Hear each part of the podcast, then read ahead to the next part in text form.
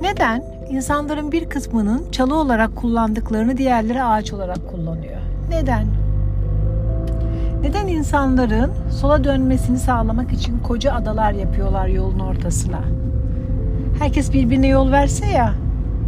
Neden? Neden insanlar kullanıyor yolları? Ve neden bu teyzemle amcam bu konteynerde desen ki 6 metrekare en fazla 8 yaşayıp önüne koydukları mavi koltukla seyrediyorlar adadan geçen insanları. Konteynerin üzerine böyle bir şey çıkmışlar. Küçücük. Sanırım izolasyonu sağlamak için böyle çatı gibi ama o da konteynerden.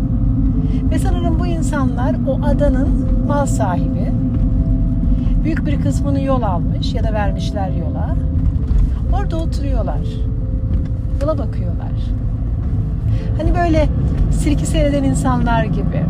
Belki de yola verdikleri arazi sayesinde kocaman bir akvaryum kurdular evlerinin önüne.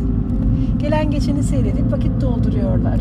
Diğer insanlar köprü yaparken, demiri eritirken, ne bileyim işte kanalizasyon döşerken, ağaçları çalı, çalıları ağaca çevirirken onlar da oturup adadan geçişlerini seyrediyorlar. Böyle uzayda yol alan gemiler gibi.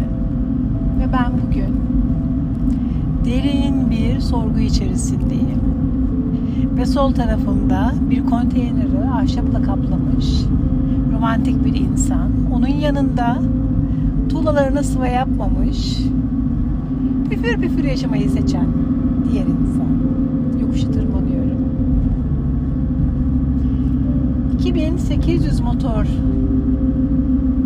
arabam yani dakikadan 2800 devir yapıyor. Yokuşu çıkarken bas bas bağırıyor. Kayalar kırmızı, turuncu bana bakıyor.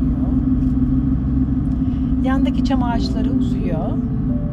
Dolunay zamanı karşımdan Dolunay beni seyrediyor. Şimdi Dolunay zamanı değil, ay yeni yeni büyüyor.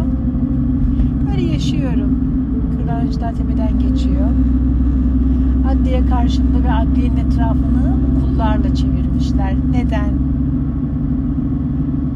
Neden?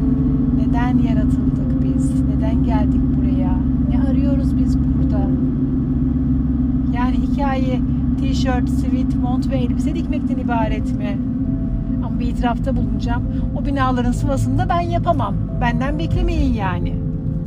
Ve iyi ki o yükseltiyi koydular oraya. Yoksa bu güvenle dönemezdim bu virajı. Ve bu kopacıklar çok tatlı tatlı yatıyorlar yolun kenarında, güneşin altında. Yerim ben onları ve bu devasa korunun içerisinde zeytinle biz yürürdük. Direğin teki devrilmiş. Ve usta yüksek istinat duvarlarından yukarıya fırlatıyor.